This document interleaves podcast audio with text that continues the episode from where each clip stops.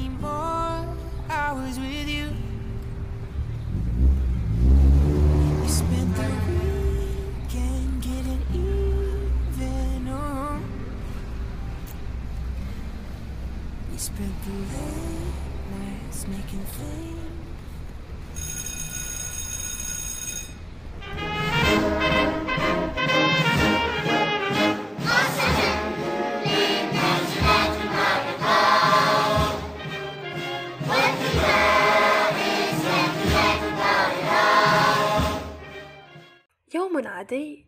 أليس كذلك؟ أو ربما مملا حتى. لكن مهلا لنقل أنك استيقظت في يوم ما. لكن هذه المرة في عالم خال من الموسيقى.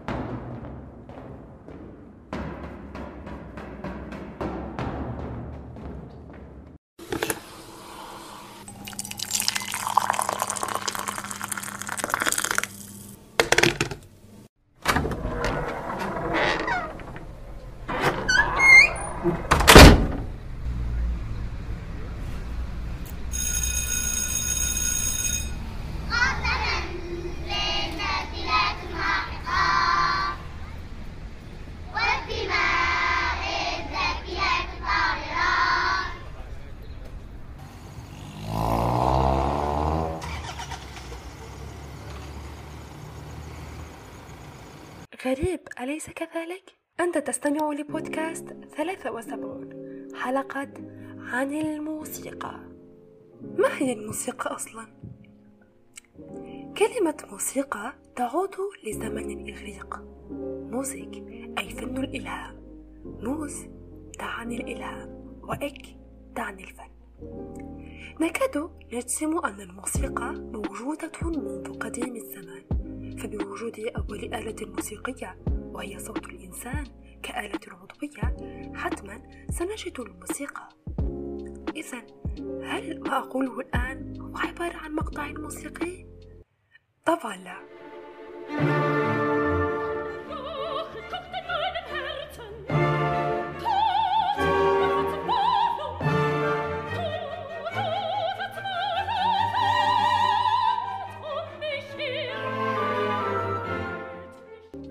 الموسيقى في تعريفها هي عبارة عن أصوات مضبوطة بزمن. هذا الضبط قد يحول زقزقة العصافير وصوت الجرس الذي تذروه الرياح المعلق على غصن الشجرة التي يتلاعب الريح بأوراقها إلى مقطع موسيقي مليء بالبهجة. فالتكرار المنتظم يصنع من هذه الأصوات مقطعا موسيقيا رائعا. سألنا بعض الأشخاص عن ماذا تعني لهم الموسيقى.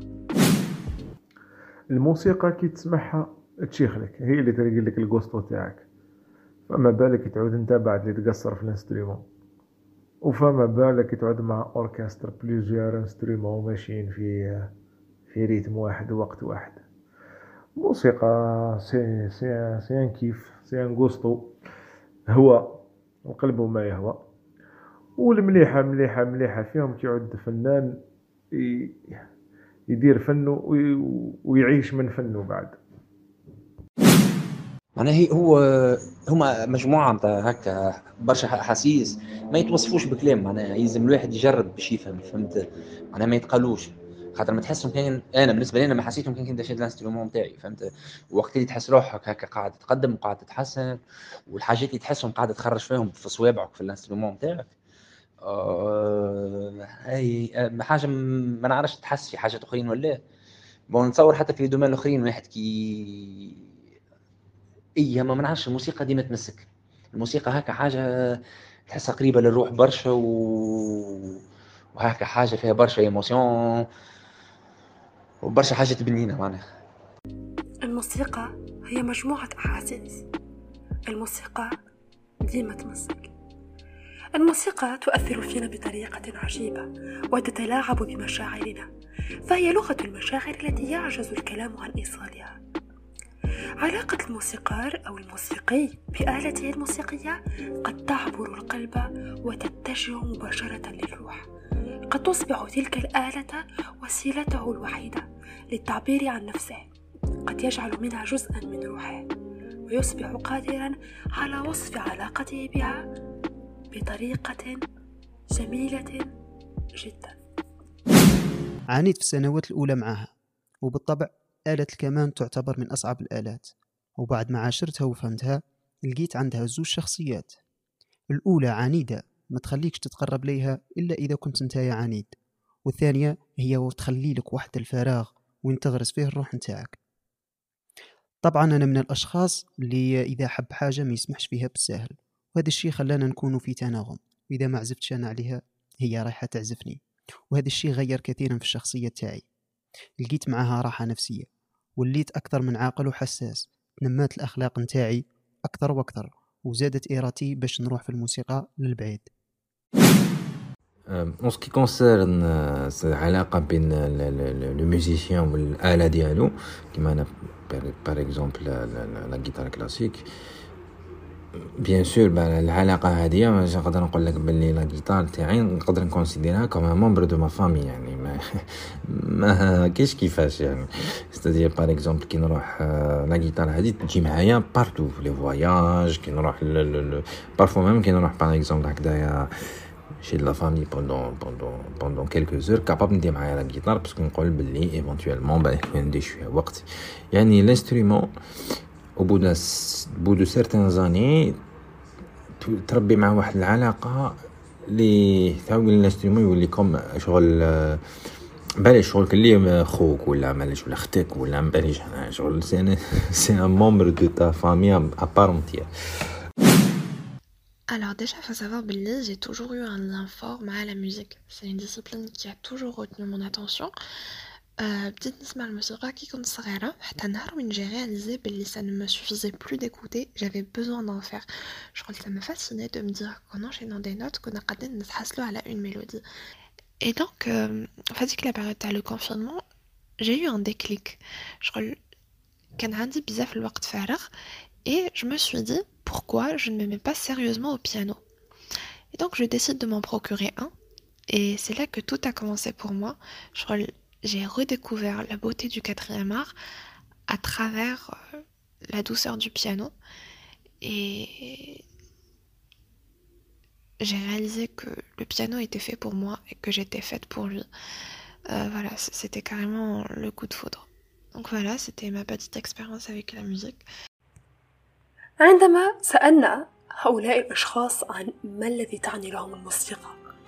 كانت الإجابة دائما أحاسيس لا يمكن التعبير عنها وحتى أنها كانت إجابتي أيضا.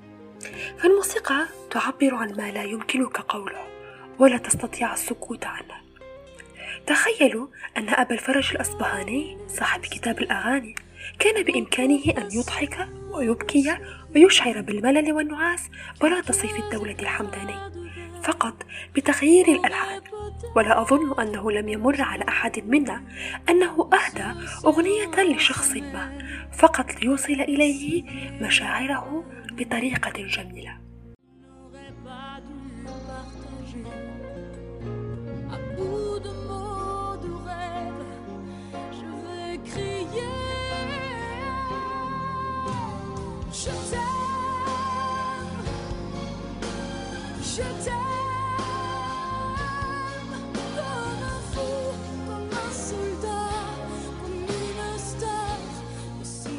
الكثير من اعترافات الحب قد تبدأ بأغنية ربما أغنية تترجم مشاعرك على أنك سعيد بهذا الحب Cause all of me loves all of you.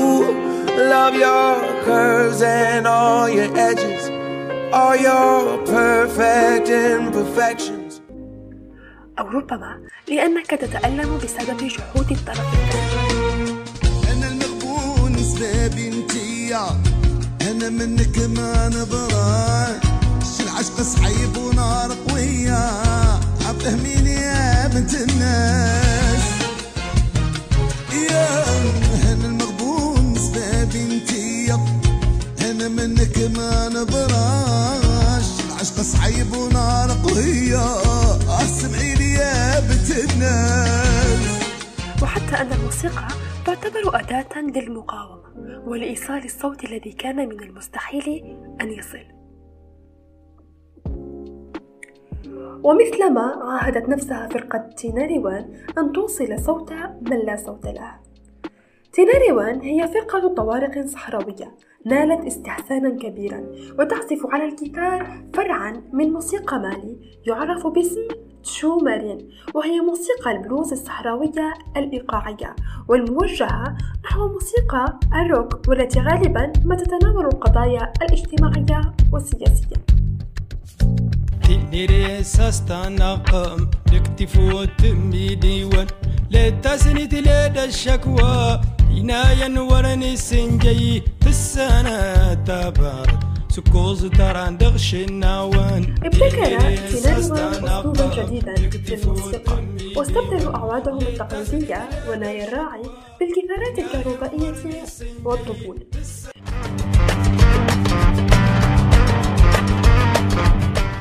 وقد أطلق على الأسلوب الذي نتج من ذلك اسم تشو مارين أو موسيقى العاطلين عن العمل المشومرين تتناول موسيقاهم قضايا مثل الصحوة السياسية ومشاكل المرفأ وقمع شعوبهم ومطالب السيادة. في منطقة لا يوجد بها نظام بريدي أو هاتف سرعان ما أصبحت أشرطتهم صوتا شعبيا للتمرد ونقطة تجمع للأمة المحرومة البساطة كانت وسيلتهم وأرادوا فقط أن يوروا قصصهم للعالم ووعدوا نفسهم مثل ما ذكرت سابقا أن يسمعوا صوت من لا صوت له. الموسيقى تؤثر في نظرتنا للأمور وحتى نظرتنا للعالم. في عام 2008 قام لوكيس واران وباتشاريا من جامعة جولد سميث في لندن والأكاديمية النمساوية للعلوم بتجربة مثيرة للاهتمام حيث كانت التجربة كالتالي. في البداية تم تقديم سلسلة من المقتطفات الموسيقية السعيدة أو الحزينة إلى 30 مشاركا لمدة 15 ثانية.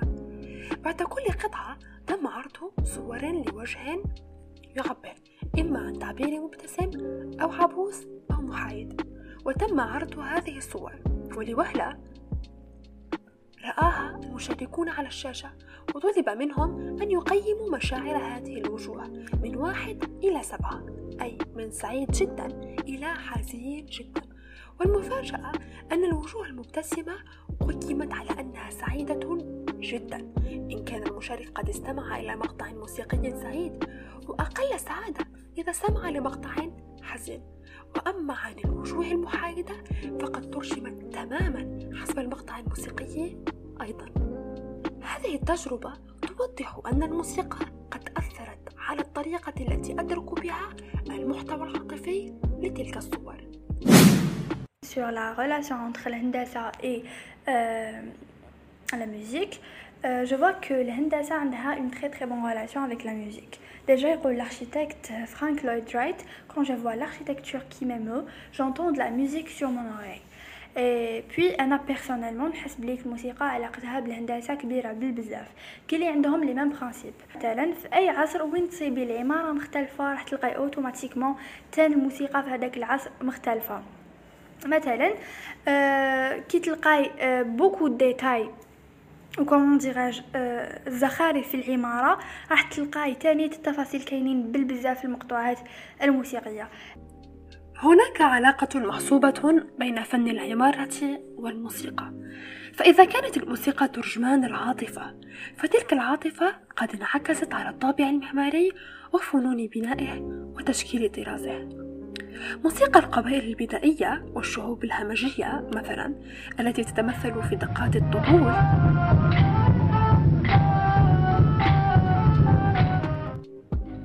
ذات التكرار المتجانس تنعكس على مبانيها وطابعها البدائي وأكواخها المتماثلة والمتراصة بغير توافق أو تجانس. والموسيقى الكلاسيكية مثلا في كل بلد بما فيها من تعقيد وبساطة وسطحية وعمق وجد لها انعكاسا صريحا على العمارة التي عاصرتها وانطبعت ألحانها وأنغامها على وجهات المباني وزخارفها.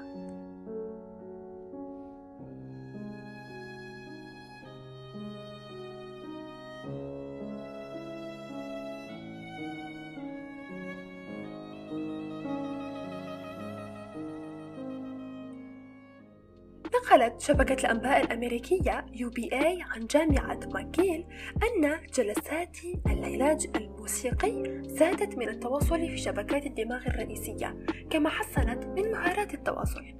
في دراسة شملت 51 طفلا مصابا بالتوحد اشتركوا في جلسات مدتها 45 دقيقة حيث غنوا وعزفوا بأدوات مختلفة وعملوا مع معالج للتفاعل فكانت النتيجة بعد أشهر أن الآباء أبلغوا عن تحسنات أكبر في مهارات التواصل الاجتماعي لدى الأطفال. بطبيعة الحال تعتبر الموسيقى يعني من أقدم الوسائل العلاجية اللي استخدمها الإنسان. إذ أنها بحيث أنها كانت تعتبر أن الغناء والرقص جزء من الطقوس السحرية المستخدمة قديما فيما يسمى بطاردة الأرواح الشريرة المسببة في نظرهم آنذاك للأمراض. ثم استخدمها قدام المصريون في العلاج بما يسمى بالترتيب المنغم. بعدها في الحضارة الإسلامية درس ابن سينا آه، أثر الموسيقى في علاج المرضى ثم تطور استخدام الموسيقى في العلاج النفسي والجسدي مع مر العصور إلى أن أقيمت جمعيات العلاج بالموسيقى في العصر الحديث. وقد أثبتت نجاعتها وأثبت أن هناك علاقة وطيدة جدا في تحسين قدرات الأطفال العقلية والوجدانية والحركية. هو ما نلمسه يوميا في العمل مع أطفال آه، ذوي القدرات الخاصة. هذا يعني شيء ملموس يعني منذ فترة طويلة جدا يعني من خلال خبرتنا واحتكاكنا اليوم مع الآلات لاحظنا يعني الأثر الواضح جدا. إذ أن الأنشطة الموسيقية آه، على الغالب تلعب دور مهم في العملية التعليمية لهؤلاء الأطفال. لذلك نحبذ إحنا لما يكون فيها la thérapie de groupe لهؤلاء الأطفال نستعمل الموسيقى. هذه الأمور اللي نحكوا عليها. أثبتت في دراسة مستفيضة كندية. يعني قام يعني هنا ما كانش مجال لذكرها بشكل آخر ولكن آه، آه، مجرد رؤوس أقلام. وهذه الدراسة الكندية المستفيضة التي آه، اهتمت بعلاج علاقة العلاج بالموسيقى في تأهيل في المساعدة ما نقولوش يعني التأهيل الكامل لكن في المساعدة والتسريع عملية تأهيل الأطفال. كشفت هذه الدراسة أن هذا العلاج بالموسيقى يحسن مهارة التواصل الاجتماعي لدى الأطفال المصابين بالتوحد ويحسن خاصة من شبكات الدماغ الرئيسية لدى هؤلاء الأطفال ويحسن مهارات التواصل الاجتماعي ونوعية الحياة الأسرية لديهم. وقاموا هؤلاء الأطفال يعني في دراسة يعني امتدت لأشهر وكانت فيها فحوصات الدماغ اللي يسمى بالأوجي في هذه الدراسة أن الأطفال زادت لد... زادت لديهم الاتصال ما بين المناطق السمعية إحنا نعرف أن المخ تاع الإنسان فيها باحات ليزار باحات السمعية والباحات الحركية كان فيها آه، آه، دمج ما بين هذه المناطق السمعية والمناطق الحركية في الدماغ. آه، وكاين حاجة مهمة جدا ثاني نلاحظوها في ما يخص الموسيقى وهو أنها وسيط فعال جدا في عملية تعديل السلوك. تعديل السلوك وحنا نعرف كأخصائيين والناس المهتمين أو الأولياء اللي عندهم حالات كذا يعرفوا مليح وش معناها عملية تعديل السلوك. هؤلاء الأطفال لم يجونا في البداية إحنا ما راحش directement نتعاملوا en phase ما نروحوش direct نحكموا اللغة. أهم شيء على الإطلاق في أغلب الحالات أول شيء على الإطلاق نستعملوه تعديل السلوك. بعد تعديل السلوك نجول تطوير المهارات بعد تطوير المهارات نجول التدريب أول شيء طفل توحدي على الغالب بنسبة عالية جدا. أول شيء نبدأ به هو تعديل السلوك. الموسيقى اتضح وأثبت من خلال تعاملنا اليومي أنها في حالات كثيرة تساعد وتسرع عملية تعديل السلوك. آه، اللي هو رافد أساسي في عملية تأهيل هؤلاء الأطفال. آه، وبالتالي فهي تسرع من تنمية مستواهم النمائي في الكثير من الجوانب. الجوانب الحركية المعرفية الإدراكية مع إكسابهم سلوكات اجتماعية مقبولة. إلى جانب التوحد هناك أريد الإشارة هنايا ما نحبش نبقى برك في مجال التوحد بالنسبة للحالات. هناك اضطراب يعني أنا شخصيا يعني من خلال يعني آه، خبرتي الطويلة جدا في هذا المجال.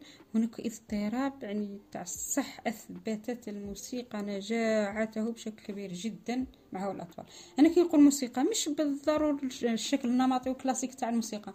مثلا هذا كاين واحد العلاج إحنا في بداياتنا كنا ما يسمى ب la méthode melody intonation therapy الإيقاع المنغم. هل الإيقاع المنغم نتائجه باهرة في علاج حالات التأتأة؟ خاصة مع الصغار المتأتئين كما قلت آه، مشي شرط يعني الموسيقى بشكل نمطي. كل ما هو من tout ce qui rythmique. مثلا أنا لا يجيني طفل عنده تأتأة من بين الوسائل اللي نديرها en في العلاج surtout لما يكون طفل scolarisé متمدرس. من الحوايج اللي نستعملها بيحس المفحوص ويحس الأهل تاعو يلمس في في أقرب الأجل النتائج يبدأ يقطف النتائج ونستعمل بزاف la méth la méthode هذه الإيقاع المنغم. والطفل هنا يبدأ في البداية يلاحظ في النتائج وهذا راح يحفزه به يكمل وبه به تسرع النتائج تاعو. لاميت هذه نستعملوها مثلا في التسكي ريتميك. آه، مثلا نستعمل مع الأطفال الأناشيد. واش راح حافظ ندخلوا عن طريق الأنشودة اللي حافظها. ندخلوا عن طريق الأغنية ما يهمش الأغاني تاع المحيط تاعو. نحكموا أغنية من المحيط تاعو نبداو نخدموا فيها. لاحظوا هنا تختفي تماما التأتأة توسكيريتميك مثلا آه سورة قرآنية. سورة قرآنية طبعا مش يقرأها لي قراءة عادية يقرأها لي بشكل منغم. هنا تختفي تماما الآخر. هذا من المداخل المخلية التأتأة يعني يعني ناجحة معانا خاصة مع صغار الأطفال لأن هذا هو المدخل وهذا السر في خدمتنا للتأتأة مع هؤلاء الأطفال. استخدام ناجع وناجح لتقنية لاميت الإيقاع المنغم. حسب ما ذكرته الأخصائية في معالجة النطق أن هناك علاقة كبيرة بين الموسيقى وأطفال التوحد وأن العلاج بالموسيقى يؤثر بشدة في سلوكهم. وتوجد الكثير من التجارب التي تؤكد ذلك. فالموسيقى تعزز الروح الجماعية بين الأطفال وتحسن مهارات التواصل الاجتماعي بينهم لكن هذا لا يجزم أنها تخفف من التوحد حيث قال كبير الباحثين في الدراسة كريستيان كولد في مركز أبحاث العلاج بالموسيقى في النرويج أن العلاقة بين الموسيقى وأطفال التوحد هي كونهم يقومون بالتواصل مع شخص ما وهذا الشيء يعزز قدرتهم على التواصل.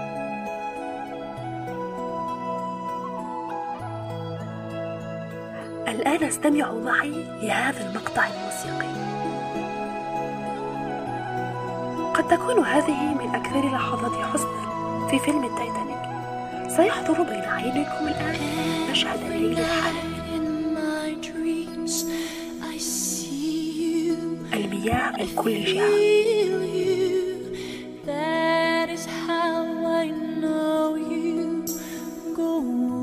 الجو البارد روز المستلقية على لوحة خشبية فوق الماء تحاول النجاة وجاك الذي مات من شدة البرد You have come to show you.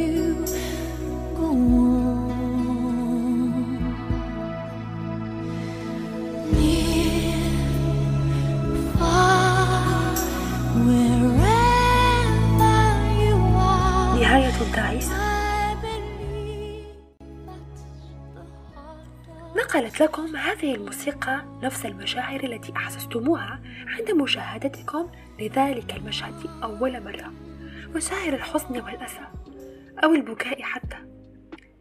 وحتى في أفلام الرعب ربما أفلام الرعب لن تسمى رعبا إن خلت من تلك الموسيقى المرعبة. ذلك الخليط بين المشهد وتلك الموسيقى الذي يعلي سقف مخاوفك وينزلها أرضا. الموسيقى تلعب دورا مهما جدا في صناعة الأفلام فالموسيقى التصويرية قد تكون بحد ذاتها بطلا من أبطال السينما ماذا عن علاقة الموسيقى بالحيوان؟